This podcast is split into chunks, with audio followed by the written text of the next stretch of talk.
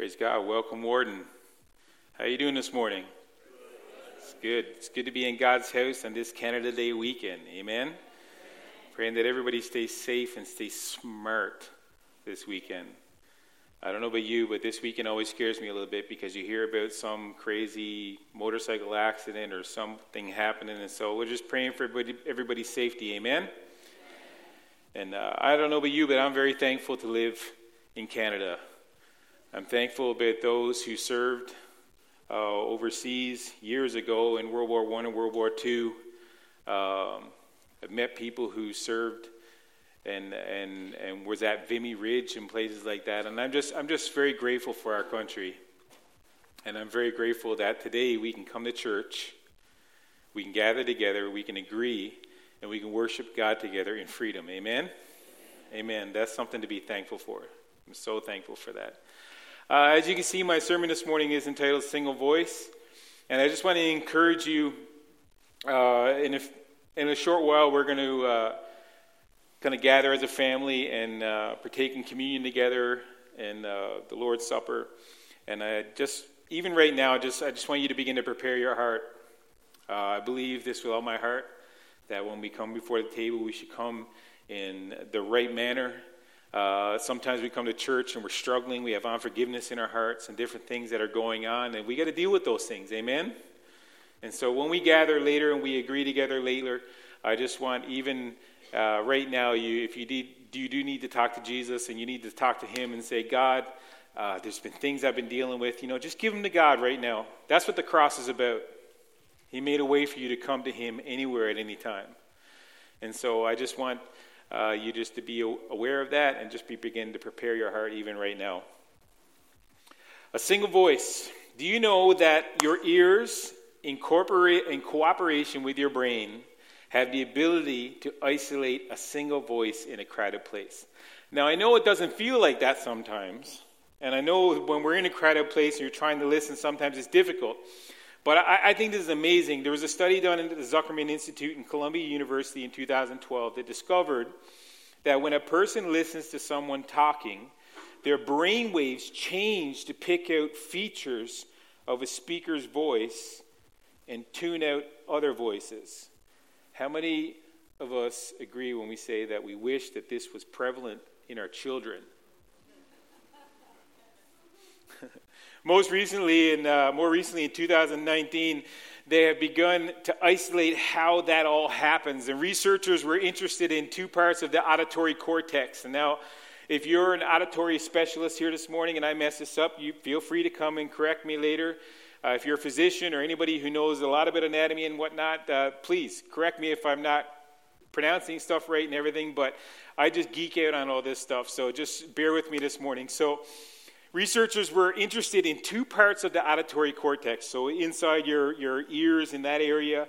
The first part is the Heschl gyrus, and I'm going to call it HG for obvious reasons. But it creates a rich and multi-dimensional representation of the sound mixture, whereby each speaker is separated by a difference in frequency. This region showed no preference for one voice or another. So this is if your Heschl gyrus is what makes you a great sound person. So when you hear the blend the music and stuff and make it all sound good together, that's your Heschl gyrus and your auditory cortex that's making all that happen, and I'm very thankful for that. And then there's the superior temporal gyrus, uh, which I'm going to call STG for obvious reasons. Uh, it makes it possible to amplify one speaker's voice by correctly weighting the output of a single of, a single, of the single coming from the HG, so the Heschl gyrus. So the HG creates a blend of all sounds while not highlighting one over the other. The STG then enables us to selectively listen, to isolate, focus in on one, and blur the rest. I don't know about you, but I wish that Google and I wish that Siri would focus more on this. How many people here, you know, it's like, you're like, um, hey, Google, is it going to be rainy today?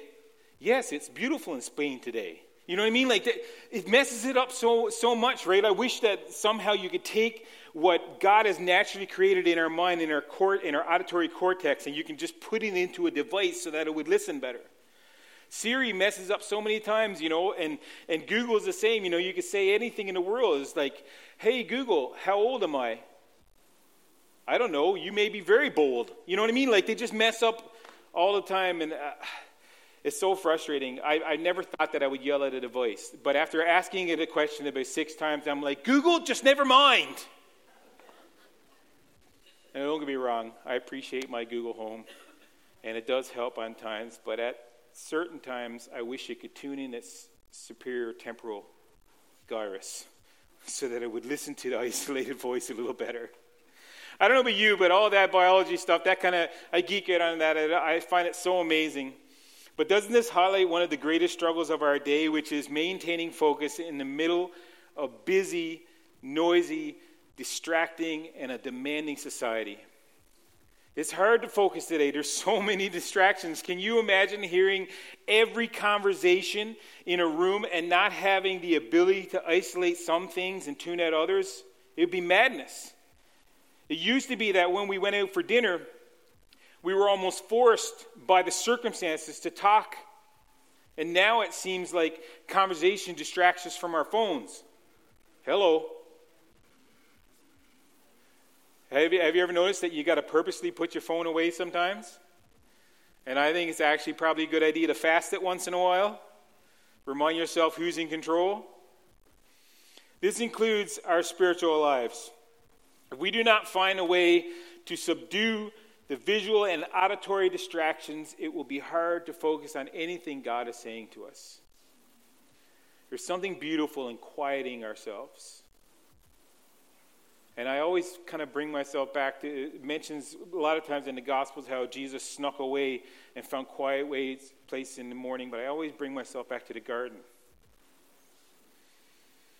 When he was praying and the disciples kept falling asleep and he got himself away because he was about to face the most grueling thing he's ever we could ever imagine. Our ability to quiet our lives and isolate God's single voice is probably the most important skill we can develop. Unity doesn't come from everybody doing the same thing. I think it's important this morning when we talk about unity, and, and, I'm going to get into the idea of unity quite a bit here this morning, but we need to understand that unity is not uniformity. We get the word uniform from uniformity, right? Like uniform is like everybody can dress in the same, but they don't all agree, you know? We've all worked at places where everybody got to wear a uniform, and not everybody likes the people they work for. You can be uniform, you can have uniformity, but have no unity. Unity doesn't come from everybody doing the same thing. That's uniformity. It comes from everybody submitting to a single voice. Now, I told you uh, a few weeks ago that I've been preaching from my philosophy ministry, and the idea of my philosophy ministry is that unity comes through individuality. And hopefully, this morning I'll kind of unpack that for you a little bit because it sounds like a bit of an oxymoron, but I don't believe it is at all. But if you turn with me to John chapter 17, I want to read one of the prayers that has been most influential in all my life. And uh, it's Jesus who prays for himself he prays for his disciples and he prays for all believers. And I, I do want to read it together with you this morning, uh, if you'll allow me. Beginning at verse 1, he begins by praying for himself. He says, After Jesus said this, and he's talking to them and explaining to them but the fact that he has to go, and he, he's finally talking now in a little bit plainer language for the disciples so that he can understand what's going on. And, and now he's getting to the point, he's preparing for, for the cross, and he says this, and he begins to pray, and he prays for himself. He looked toward heaven and prayed. He says, Father, the hour has come. Glorify your Son, that your Son may glorify you. For you granted him authority over all people, that he might give eternal life to all those you have given him. Now, this is eternal life, that they know you, the only true God, and Jesus Christ, whom you have sent. I have brought you glory on earth by finishing the work you gave me to do. And now, Father, glorify me in your presence with the glory I had with you before the world began. There is so much in that passage that we can unpack. But just pace with me. I'm going to be taking a few things from this whole chapter this morning. But the context in this first part here, the context of this prayer is the crucifixion. It's approaching. Jesus prays first for his glorification, and he describes this in verse 4. He says, I have brought you glory on earth by finishing the work you gave me to do. His prayer for himself is based on his completed work. He is about to finish the work he uh, came to do on the cross, shedding his blood instead of ours for our sins, not his own. He had none. He didn't have any sin, opening the door for perfect unity. Perfect unity with him and the Father to be available for all of us for all of eternity. Amen. Let's pick it up at verse 6. Now he begins to pray for his disciples. He says, I have revealed you to those whom you gave me out of the world. They were yours. You gave them to me, and they have obeyed your word. Now they know that everything you have given me comes from you. For I gave them the words you gave me, and they accepted them. They knew with certainty that I came from you, and they believe that you sent me. I pray for them. I am not praying for the world, but for those you have given me, for they are yours. All I have is yours, and all you have is mine and glory has come to me through them. I will remain in the world no longer, but they are still in the world, and I am coming to you. Holy Father, protect them by the power of your name, the name you gave me, so that they may be one as we are one. While I was with them, I protected them and kept them safe by the name you gave me. None has been lost except the one doomed to destruction, so that Scripture would be fulfilled. I am coming to you now, but I say these things while I am still in the world, so that they may have the full measure of my joy within them. I have given them your word, and the world has hated them, for they are not of the world any more than I am of the world. My prayer is not that you take them out of the world, but that you protect them from the evil one. They are not of the world, even as I am not of it. Sanctify them by the truth. Your word is truth. As you sent me into the world, I have sent them into the world. For them I sanctify myself, that they too may be truly sanctified. And then he prays for all believers. I don't know about you, but I just I get caught up in the fact that we have a recorded prayer of Jesus written down that's just for me. Can you internalize that for a minute? That he stopped to pray for you, specifically, for me. And, and, and the thought that my name and who I am going to be somewhere in the future was already known. And he prays and he stops and prays for all believers. Listen to what he says in verse 20. He says, My prayer is not for them alone. I pray for also for those who will believe in me through their message, that all of them may be one, Father. That's you and me. Just as you are in me, and I am in you. May they also be in us, so that the world may believe that you have sent me. I have given them the glory that you gave me, that they may be one as we are one. I in them, and you in me, so that they may be brought to complete unity. Then the world will know that you sent me and have loved them, even as you have loved me. Father, I want those you have given me to be with me where I am and to see my glory, the glory you have given me because you loved me before the creation of the world. Righteous Father, though the world does not know you, I know you, and they know that you have sent me.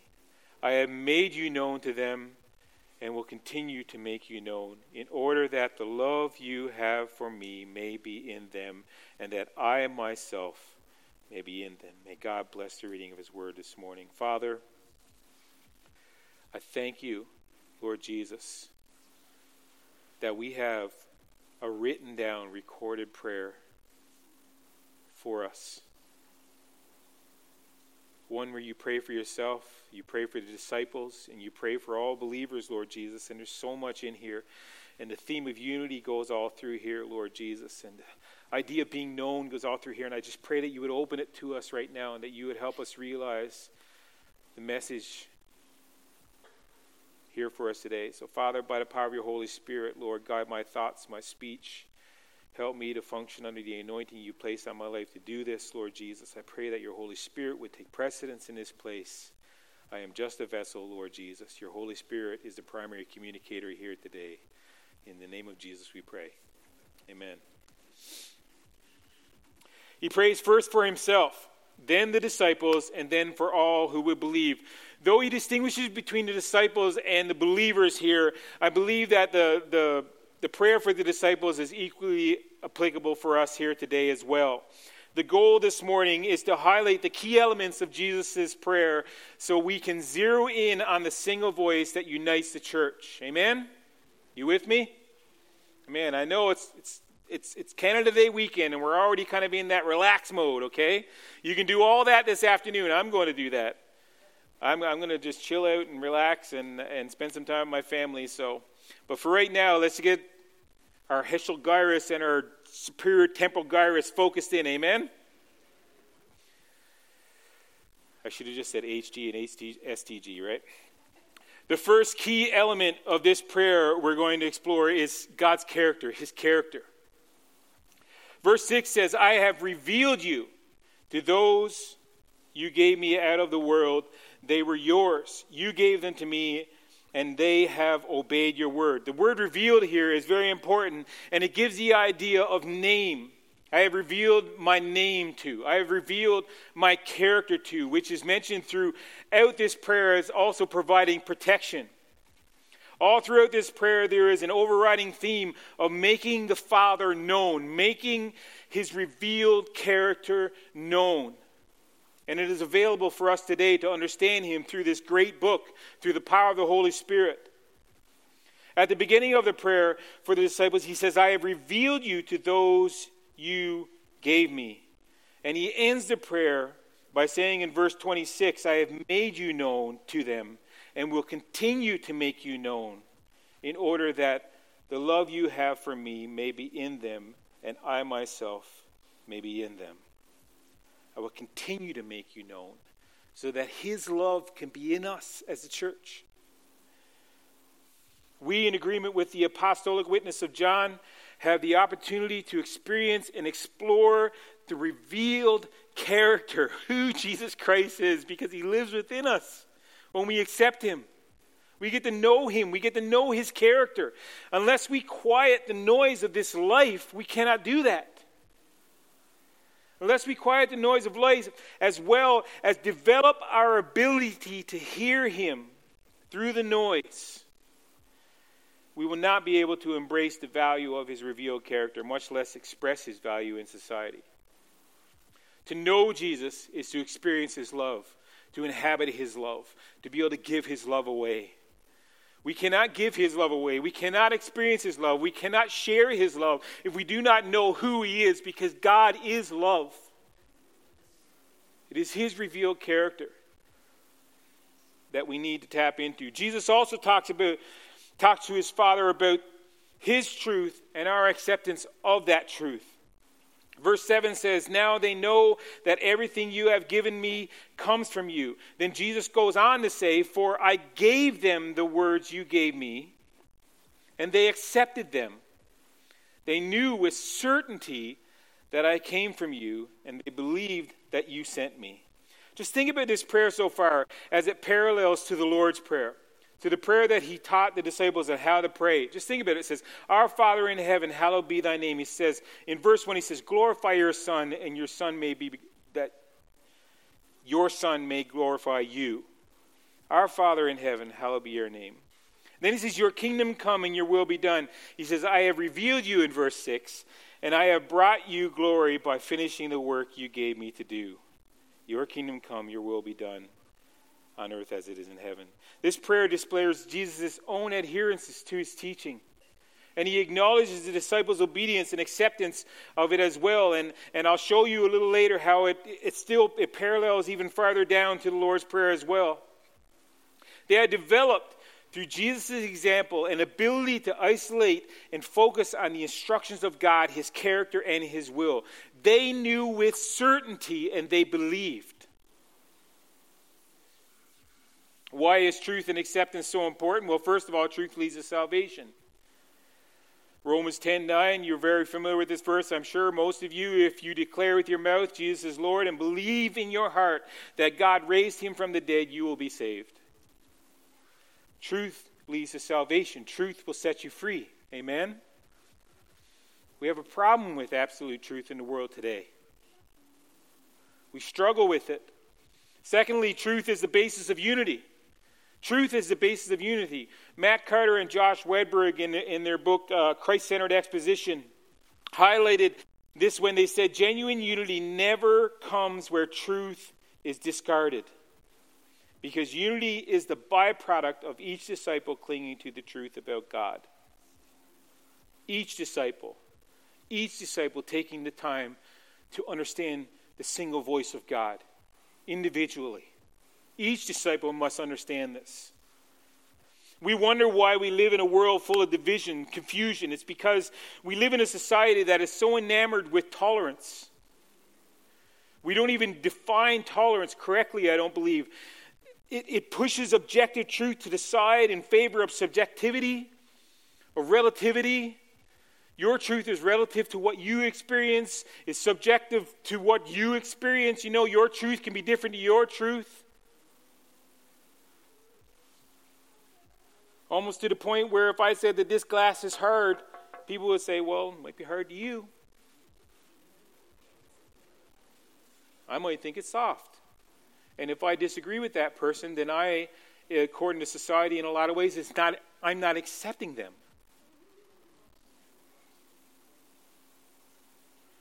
I'm not trying to step on any toes, or maybe I am. I don't know. But I just believe in the absolute truth of Jesus Christ. I believe that we have a creator. I not only believe that, I believe that there's enough in this world, scientifically, biologically, chemically, everything, astronomically, that, that points towards it, that proves it. I mean, I could, I could ramble on here for quite a while because I'm a bit of a nerd in this area, but I, I just believe in absolute truth. I believe it is the anchor that holds us firm And I believe that is the basis of unity. We wonder why we live in a world of division.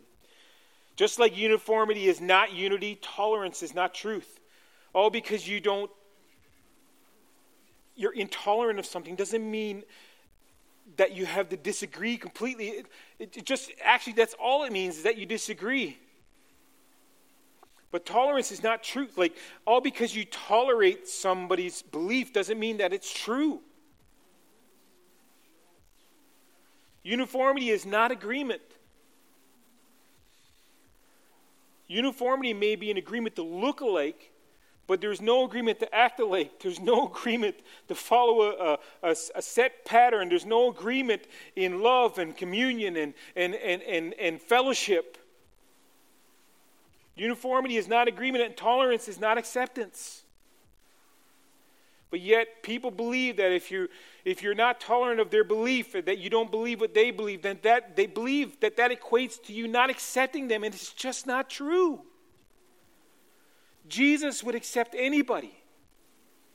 And we need to accept anybody. Do you know who changes the heart of somebody who has sin in their life? It is the Holy Spirit. It is not you and your fine sounding arguments. It is not me and my fine sounding arguments. Let's just be clear about that. It is the Holy Spirit who changes minds. It is the Holy Spirit who draws people. Every one of you who have accepted Christ as your Lord and Savior are here because the Holy Spirit spoke to your heart. And for the first time, you heard the single voice. We spend so much time convincing people with arguments when maybe we should talk to the single voice and say, Jesus, come be the convincer, come be the counselor, come be the advocate. Mighty God, everlasting Father, come, come, let them feel your presence when they're around me. Let your presence change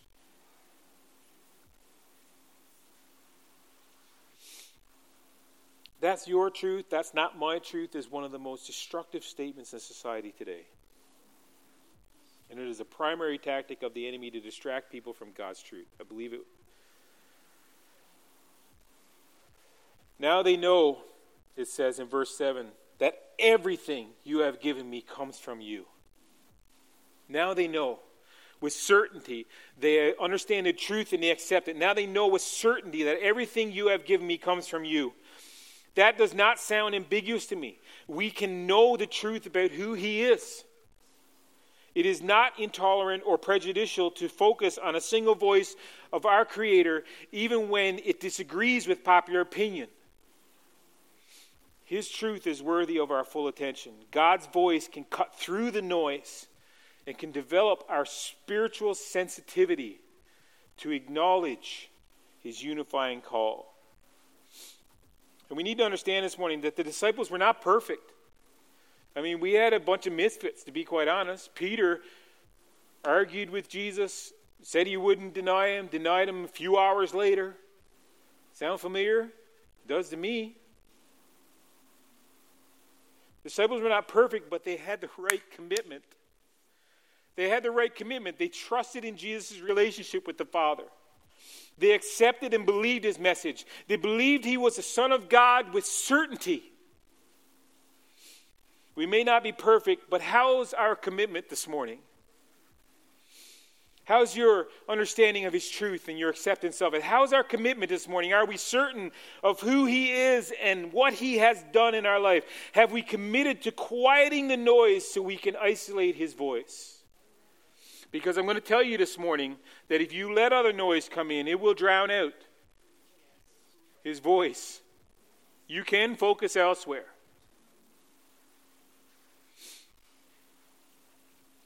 Thirdly, we move now from statements about revealed character and truth to his desire for our safety. He talks about his protection for us. Verse 12 uh, verse 11 and 12 say this Holy Father, protect them by the power of your name, the name you gave me, so that they may be one as we are one. While I was with them, I protected them and kept them safe by the name you gave me. Let's go back to the Lord's Prayer again. Remember the line in the Lord's Prayer says, and lead them not into temptation? Doesn't it sound familiar here? You know, Holy Father, protect them by the power of your name. Lead them not into temptation. The word safe here can also mean keep them faithful to.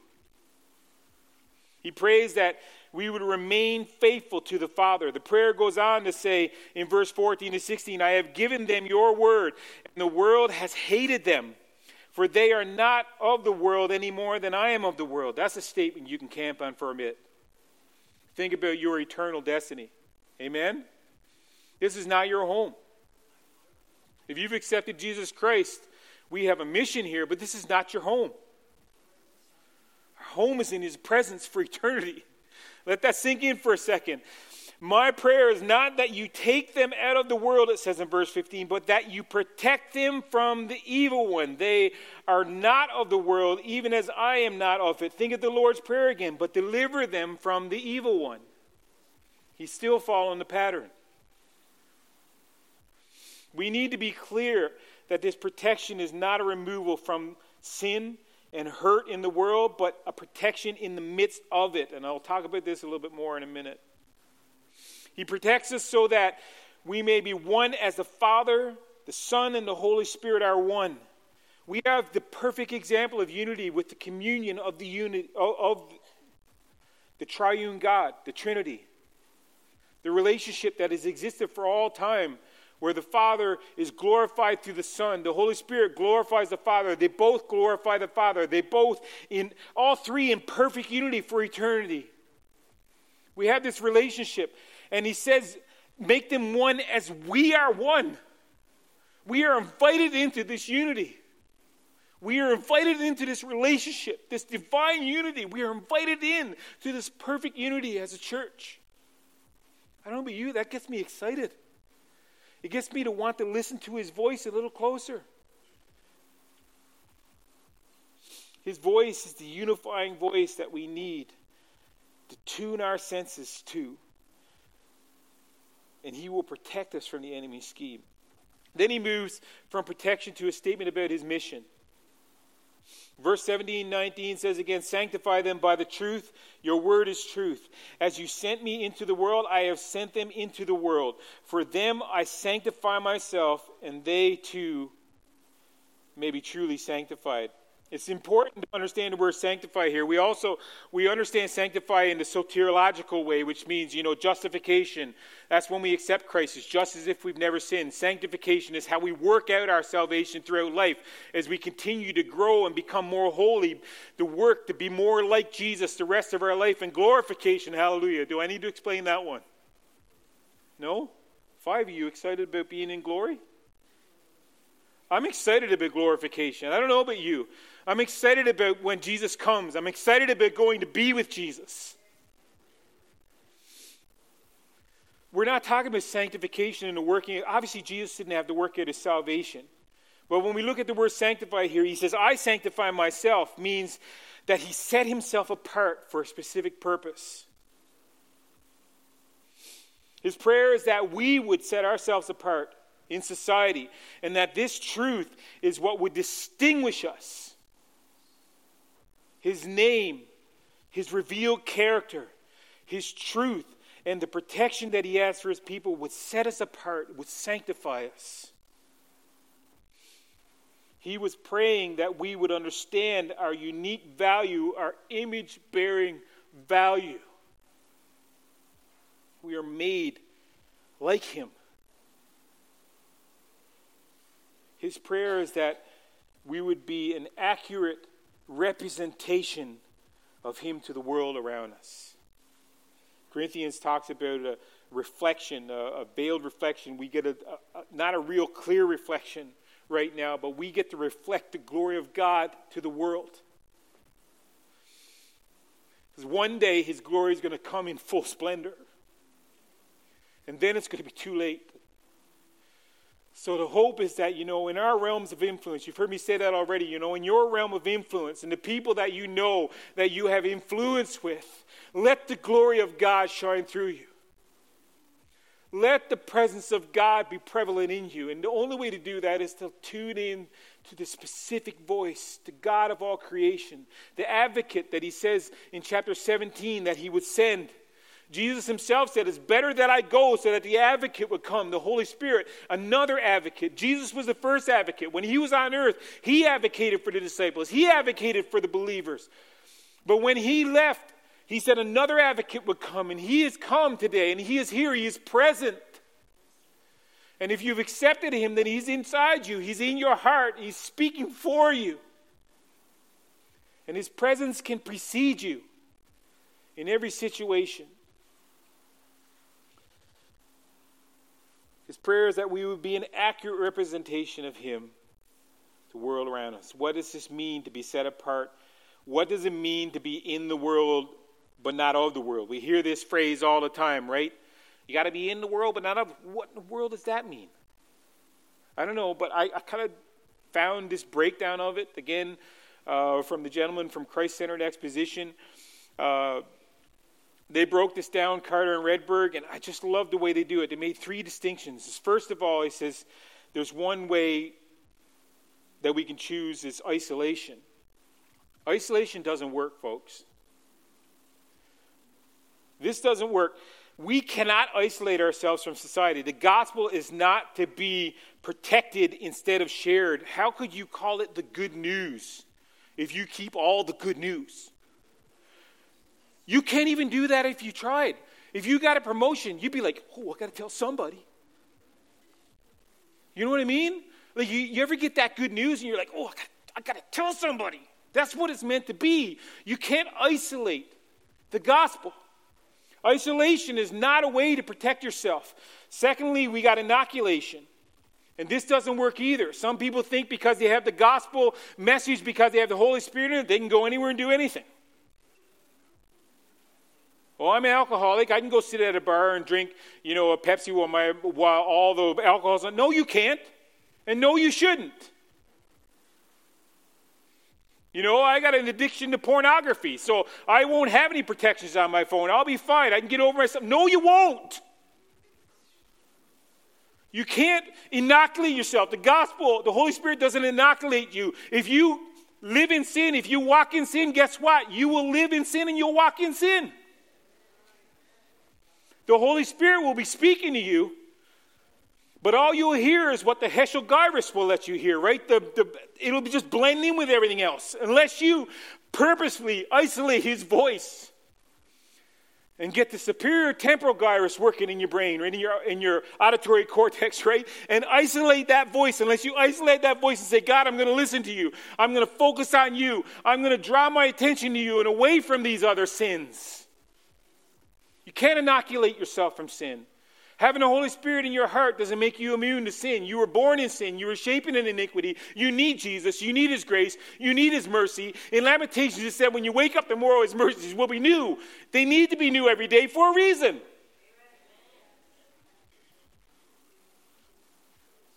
The gospel doesn't inoculate us. The Holy Spirit doesn't inoculate us. We're, we're still susceptible to sin. We've got to be conscious of that. That's why we need this community. That's why we need each other. Insulation is probably a better option. A belief that daily focus on the gospel protects us from temptation as we seek to share the gospel with those who don't know Jesus. He can insulate us.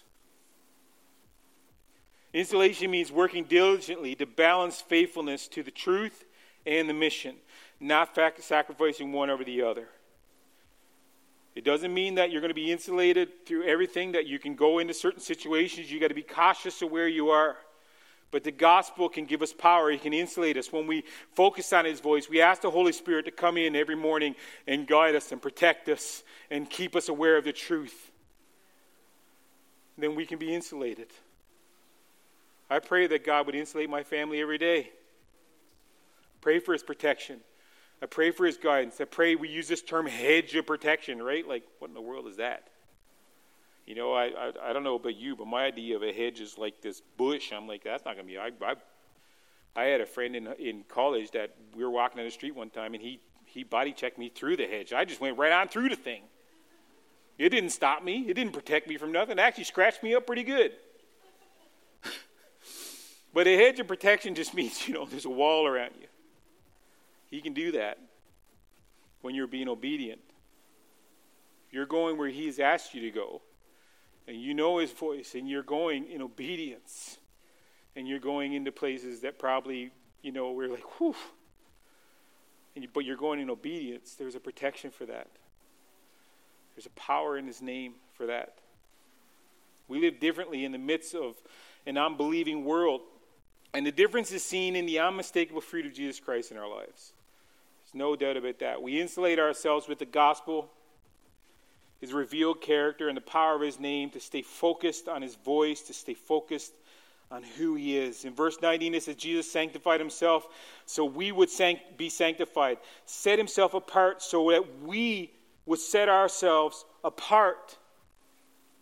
We would be focused on the single voice, the single purpose, the single mission, which is to make him known. The closing emphasis of this prayer is his unity. And it's all through this prayer. Lord, make them one as we are one. That phrase stands out to me in this prayer. Make them one as we are one. I've been praying into understanding the divine unity of the Trinity. I'll never get there until I'm in His presence but I'm I'm enjoying understanding that I've been welcomed into that unity and that's available for me. It's available for us as the church.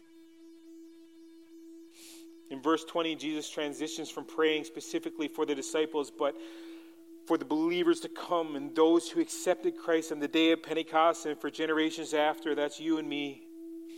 He prayed for you, and so that all of them, all of us, may be one Father. This is why he prayed. So that all of us may be one Father, just as you are in me and I am in you, may they also be in us, so that the world may believe that you have sent me. The only way to be in true unity is to attach yourself to His, his mission, is to get to know the Father to get to know. Let the Holy Spirit speak to you. Let the Spirit advocate for you. Let Jesus speak for you. It says that Jesus sits at the right hand of the Father and intercedes on your behalf. I can't even begin to fathom what that means. He's not up there begging for my salvation. He provided that on the cross. But He's praying for us in every situation interceding for us in every situation. I get so overwhelmed with the thought that we can be invited into the unity of the Trinity. Listen, it is not too big a statement to say that when the church is united, mission focused, and Jesus centered, it is powerfully effective. But division, hatred, squabbling, gossip, hello, insecurity, draws our attention away from the mission that stifles our effectiveness. You know what drives me nuts about the church? Is people hate smoking, that people hate drinking, they hate it when people swear, they hate it when people do all these public sins, but we sometimes overlook gossip.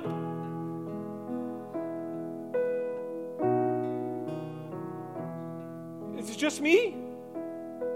It drives me nuts. I've been in foyers and listened to people gossip, and I've gone over and I said, Can we not, please? We can't just tolerate one and not the other. That's not acceptance, right? Remember that? We got to hold each other to a higher standard. We got to love each other, not to talk behind each other's backs. If you love the person sitting next to you, if you pray for the person sitting next to you, you're not going to badmouth them. Pray you won't do that for your pastor, too. Oh, I need you to be straight up with me, right? You can be upset with me. I'm probably going to say some stuff to tick you off once in a while. But you need to understand the office door, my office door is wide open. My text messages come clear as a bell. I get a little notification, it buzzes, I'll answer it. My phone rings, I will answer your call. If you have a problem with me, I would la- gladly talk to you. But don't talk behind my back. And I won't do the same. I'll do the same for you. Amen? That's good. Sorry, I didn't mean to get caught up on that. It's just that's one that, oh, it's a pet peeve of mine. I think we overlook it and we need to be focusing on these things. All these things, insecurity. Oh, that's a big one. Squabbling, gossip, these things draw our attention away from the mission and stifles our effectiveness and it blocks out the voice of God. How do we protect unity? Unity doesn't come from everybody doing the same thing, it comes from everyone submitting to a single voice. How do you protect unity? You protect your own relationship with God. You guard it with all of your heart. You schedule time for it. You don't let people mess with it. How do you protect unity? Get to know Jesus Christ and your own personal level. When I say that unity comes through individuality, I mean that when we talk to God, we are all talking to the same Creator. The same Holy Spirit that touches my heart is the same Holy Spirit that touches your heart. And if I'm talking to God and you're talking to God and we're praying for vision in this church, if I'm talking to God and you're talking to God and we're agreeing for the healing of a body, if I'm talking to God and you're talking to God because we need, you know, something, a miracle in our home, in our family, then we're talking to the same God. I may be in my closet, you may be in your closet, but we're talking to the same God. The same Holy Spirit is present with you as He is with me. And if we're talking to the same God, to say that anything other than the fact that that's unity is to say that God is confused. We talk to the same God, He is not confused. If He is truly speaking to your heart and He is truly speaking to my heart, I believe He'll lead us in the same direction. I believe He'll take us down the same path. He'll guide you like He guides me. He'll convict you about the same things He convicts me about. And He'll give us the courage that when we feel convicted, that we'll act on our convictions. If I have offended my brother, then I hope and I pray that I listen to the courage that comes from the Holy Spirit to walk up to that brother. We're told in Matthew 18 how to deal with all that stuff, right? When I say that unity comes through individuality, it is because when you focus on His voice, and when I focus on His voice, we're focusing on the same voice. And our words and the cries of our heart are going to the same ears. And our prayers are entering the same presence.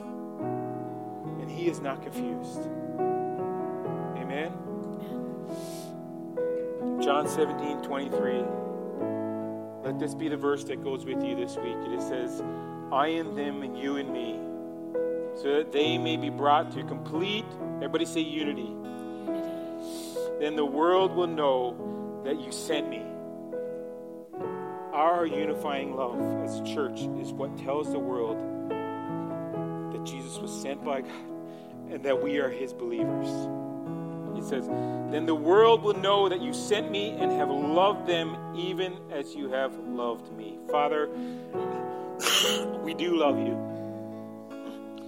We sense your presence even right now, oh God, and in a few moments, Lord Jesus, we are going to agree together as we partake of these elements, Lord Jesus, which represent your blood and your body. Lord, this communion, we call it communion, Lord, because we have this divine communion, this unity, where we can come together and agree about this salvation. That we can agree that you came through the virgin birth Lord, and that you rose and you had no sin, and that you were put to death sinless for us, oh God, and that you rose again and you appeared to over 500 people. And Lord, and the disciples and many others saw you, Lord Jesus. We have this testimony in Corinthians 15, Lord Jesus, and it tells us, oh God, that you came for us, died for us And we commune and we agree on this matter this morning, oh God, and we remember what you did for us. So, Father, prepare our hearts. There's anything we need to deal with in our hearts, oh God, forgive us right now. Bring us together in unity by the power of your Spirit. Let us sense the unity of your presence here today. We love you, Jesus. In your precious name we pray. Amen. Let's just take some time, just sing this beautiful song this morning and prepare our hearts to receive.